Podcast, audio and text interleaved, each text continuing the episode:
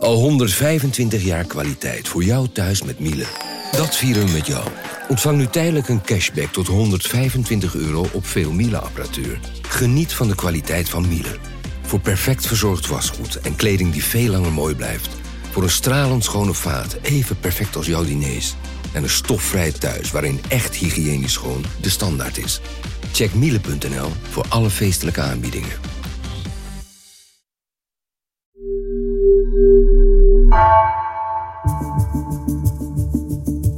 Vanaf de redactie van NRC het verhaal van vandaag. Mijn naam is Thomas Ruip.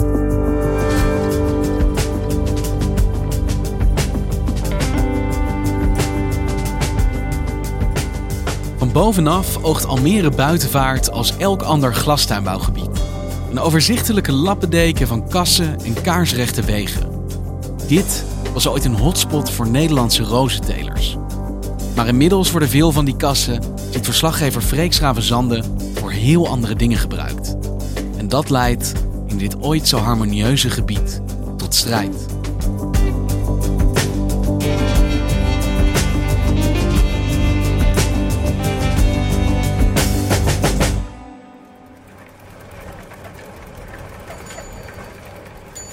Ik zat op de fiets en uh, ik reed vanuit Almere Centrum naar de buitenvaart. Dat was zeker wel drie kwartier fietsen. Je gaat door alle woonwijken zo'n beetje van uh, Almere heen. En dan kom je eigenlijk tegen de rand van de Oostvaardersplassen. Uh, met al die mooie damherten en zo. Daar in de hoek, daar kom je uit op het kassengebied van Almere. De buitenvaart. Wat is dat voor een gebied? Um, een kassengebied zoals je het eigenlijk wel kent. Van die uitgestrekte velden met glas, kassen, hectare vol. Rechte wegen, keurige huisjes, mooie geknipte hegjes in de voortuintjes. Een echte ja, typisch kassengebied. En wat had jij daar te zoeken? Iemand zei me, ga daar eens even kijken. Er zou er wel het een en ander aan de hand zijn. En wat trof je daar aan? De buitenvaart, dat is bekend als een echt rozengebied. Dus ik verwachtte daar heel veel uh, rozentelers aan te treffen. Bloemen, kleur. Bloemen, kleur, hyacinten, weet ik wat allemaal. Nou ja, die waren er ook wel. Maar ik zag ook van alles wat niks met rozen te maken had.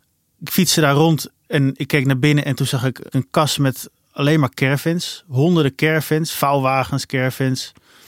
Toen fietste ik verder, toen struikelde ik bijna over de paardenpoep. En toen bleek iets verderop, bleken er allemaal paarden te zijn in de kas. Hinnikend ik fietste nog verder en toen zag ik daar ergens een mountainbike parcours. In een kas? Ja, daar had, iemand had daar bedacht om daar onder het glas allerlei heuveltjes uh, aan te leggen. Nou ja, het was niet helemaal het kassengebied zoals, uh, zoals je het kent. Want je verwacht kassen vol bloemen te zien, maar als jij je neus tegen het glas drukt, zie je kassen die voor al het andere zo'n beetje worden gebruikt. Inderdaad, ja. ja. Alles behalve rozen eigenlijk. Want wat is er met de rozen van de buitenvaart gebeurd? Ja, dat vroeg ik me ook af. Dus toen kwam ik aan bij Hans Goudiaan. Dat is een beetje de nestor van het gebied. Hans, wat ben je aan het doen? Ik ben uh, rozen aan het uh, bundelen in bosjes van 10 om ze naar de veiling te kunnen verkopen. En nog een teler in hart en nieren. Hij zei, ja, ik uh, heb alles in mijn leven zo'n beetje geteeld. Zelfs een brandnetel zou ik nog wel kunnen telen. Iemand die gewoon echt houdt van het vak. Want hoe is dit ooit het rozengebied geworden? Waarom daar buiten Almere? Ik had hier nog nooit van gehoord. Je hebt heel veel gebieden in Nederland waar rozen worden geteeld. Maar sommige rozentelers moesten daar bijvoorbeeld weg, zoals uit, uh, uit wateringen en uit sloten. Daar werden nieuwbouwwijken neergezet. En al die rozenkwekers moesten ergens anders heen. En die kwamen terecht in Almere. Want er was een gloednieuwe polder en hier was ruimte, plek voor hen. Inderdaad, ja. Almere is, is een stad die natuurlijk helemaal vanuit het, vanaf de tekentafel is bedacht. Daar hielden die rozentelers wel van, want het is maakbaar. Een teler die houdt wel van maakbaarheid. Die houdt van, in zijn kas kan die alles, de atmosfeer, alles kan die zelf bedenken. Hij kan aan de knoppen draaien. Hij kan de temperatuur aanpassen, het licht, het water.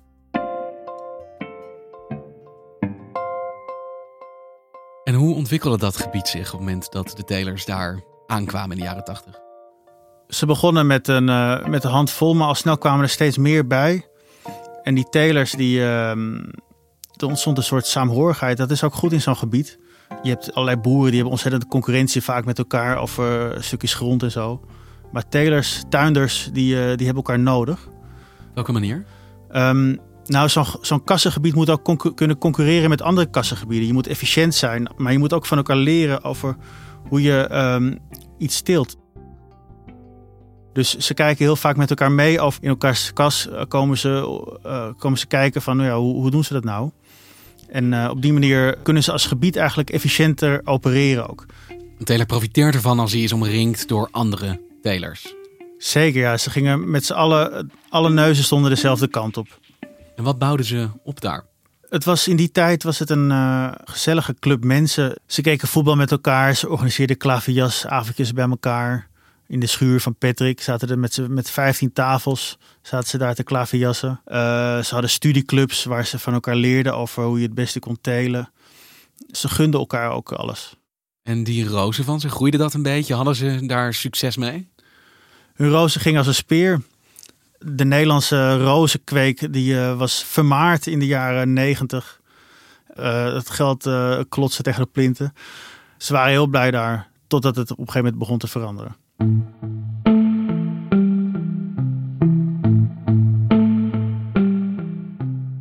Want wat gebeurde er? Er kwam eh, concurrentie uit, eh, vooral uit Afrika. Want de zon is gratis, de warmte is gratis en de arbeidskosten zijn laag. Dus je kan een heel eind eh, komen daar. Eind jaren 90 vertrokken de eerste rozenkwekers al naar Kenia. Ze zagen daar meer toekomst door de hoge energieprijzen, dure arbeid en ingewikkelde regel- en wetgeving in Nederland. Ook al draaien de Nederlandse rozenkwekers deze dagen een topomzet, toch komen de meeste rozen uit het buitenland. Vorig jaar werd voor bijna 600 miljoen euro aan rozen ingevoerd, vooral vanuit Kenia en Ethiopië. Toen was er eigenlijk opeens veel minder vraag naar Nederlandse rozen, want die Afrikaanse rozen die waren veel goedkoper. Die concurrentie, daar hadden de telers op de buitenvaart hadden daar last van. Want wat gebeurde er met hen toen die concurrentie opkwam? Ja, zij raakten in de financiële problemen. Hun roos was opeens een stuk minder waard op de veiling. Heel veel eh, bedrijven daar op de buitenvaart die koersten af op een faillissement. Dat leidde tot, eh, tot een hoop gedoe, ook eh, thuis. Huwelijken die stuk liepen. Mensen die eh, ja, hun trots kwijtraakten. Dus ja, ze waren allemaal bezig met zichzelf en niet meer met het gebied. En niet meer met elkaar. En wat betekende dit voor dit gebied, dit ooit zo saamhorige rozenland?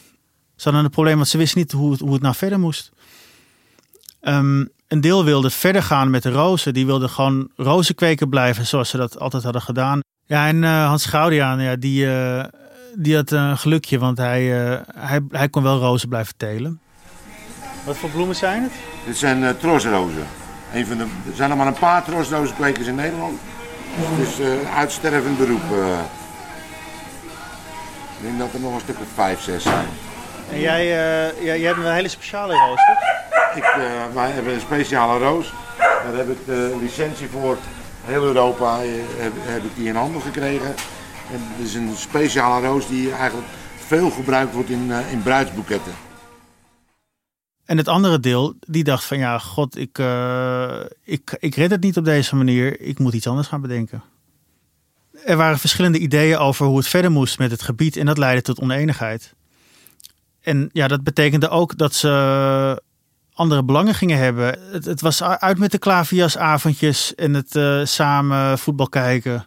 Er ontstonden discussies bij, eh, bij, de, bij de telers thuis, waar iedereen aanwezig was.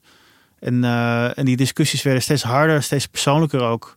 Soms viel er opeens het woord klootzak en dat soort dingen. En dat allemaal omdat ze eigenlijk niet wisten welke kant het op moest. Maar ja, ze zaten wel met die enorme kassen. Duizenden vierkante meters aan glas. Ja, wat, wat kan je daarmee? Dus die moesten gaan nadenken over wat ze met die kassen wilden. Die stonden leeg.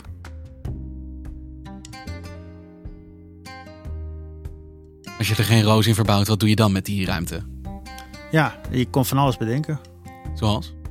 Nou, de eerste die iets anders ging doen, die begonnen met de caravans.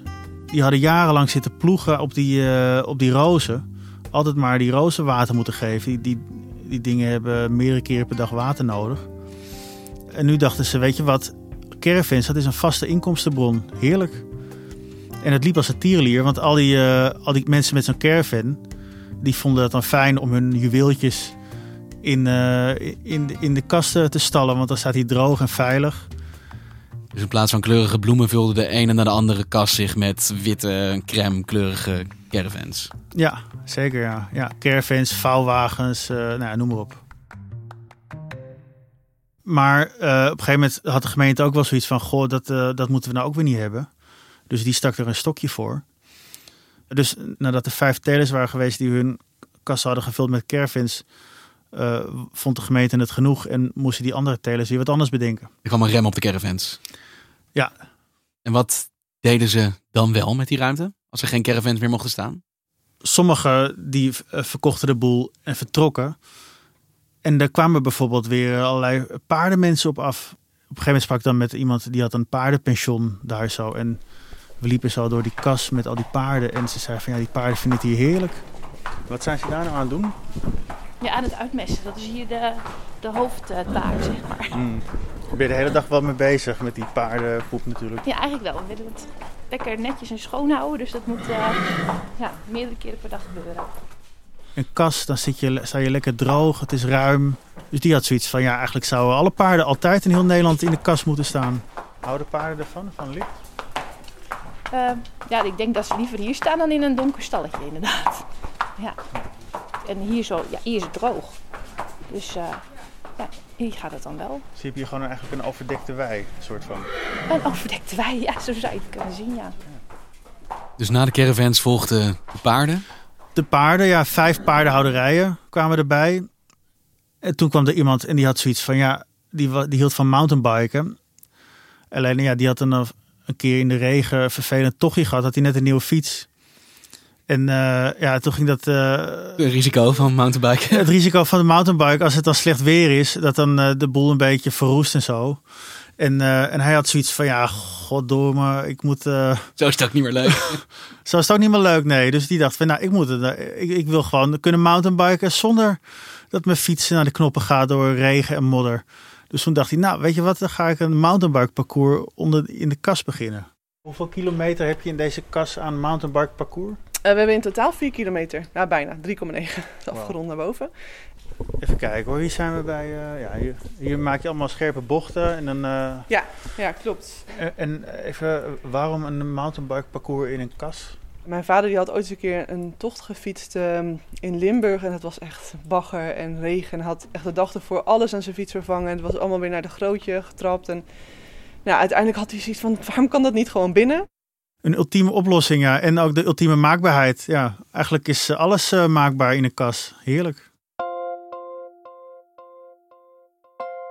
Wat anderen bedachten was, we kunnen ook moestuintjes beginnen. Zoals Ron van Zwet, die ook was failliet was gegaan als rozenteler. Hij was een beetje de grootste van het land.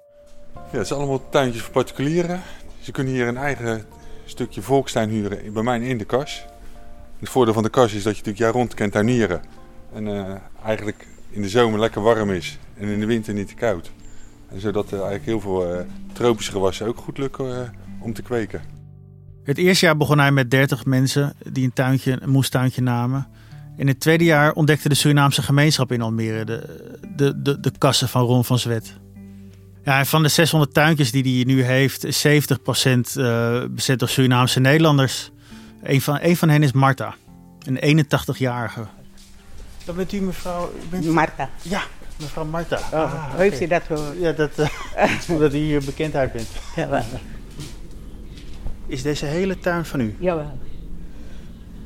Ik heb komkommer, ik heb net geoost. Is het anders in de kas? Oh, in de kas is het anders. En bepaalde dingen groeien beter in de kas dan uh, gewoon naar buiten. Welke dingen? Zoals die Surinaamse groenten, want die hebben uh, zon nodig. En dat vind je hier in de kast. Die sopropo, kousenwaand, die antroa, aubergine, pepers groeien beter in de kast dan buiten. Ja, die had een aantal tuinen. Die verbouwde voor haar tien kinderen en veertig kleinkinderen de groenten. Kinderen, klein, ik heb veertig kleinkinderen en ik weet niet, bijna dertig achterkleinkinderen. Dus ze blijven maar groeien. Dus genoeg uh, eten wat ja, ze nodig hebben. Ja, de buren, kennissen, goede kennissen van mij. Krijgen ook schoonfamilie. Ik vind het leuk werk. Dan thuis zitten. thuis zitten, tv kijken en zo is niet mijn ding.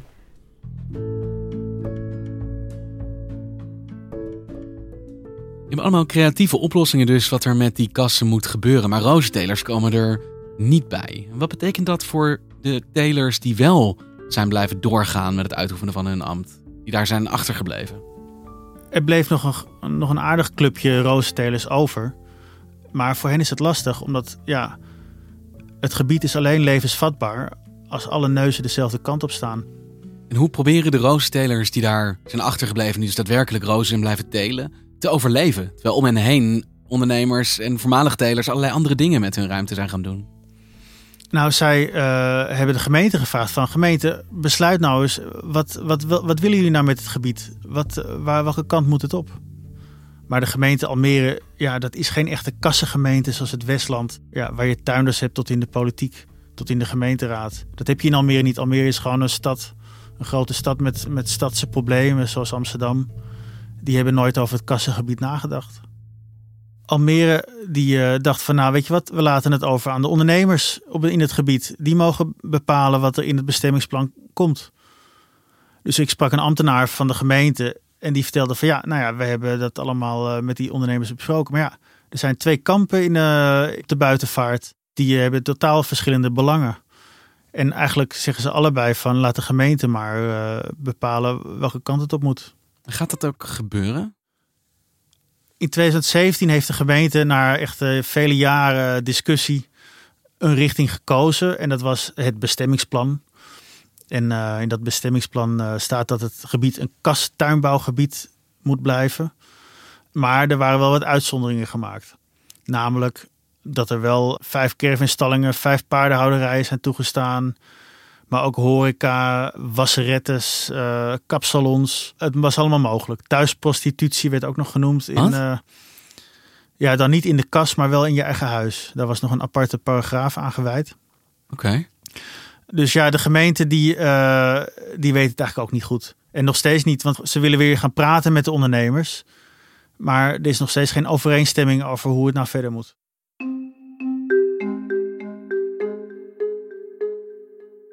Want dit was ooit Rozenland. Is dat op dit moment aan het verdwijnen?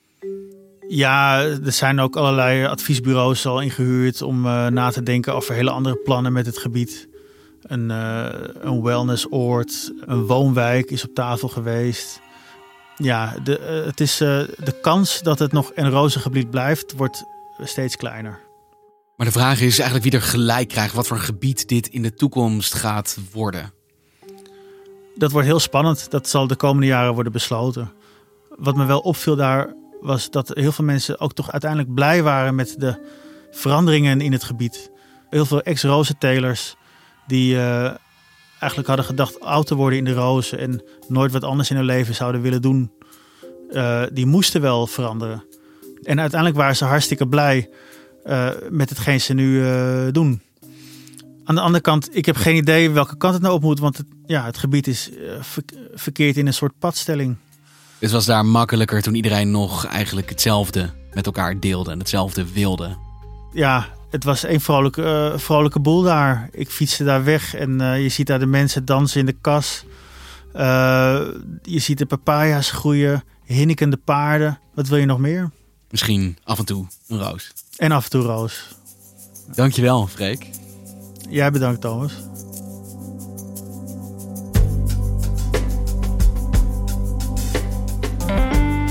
Je luisterde naar vandaag, een podcast van NRC. Eén verhaal, elke dag. Deze aflevering werd gemaakt door Nina van Hattem en Astrid Cornelissen. Plaatsvervangend chef van de audioredactie is Ido Havinga. De muziek die je hoort is van Rufus van Baardwijk. Dit was vandaag maandag weer.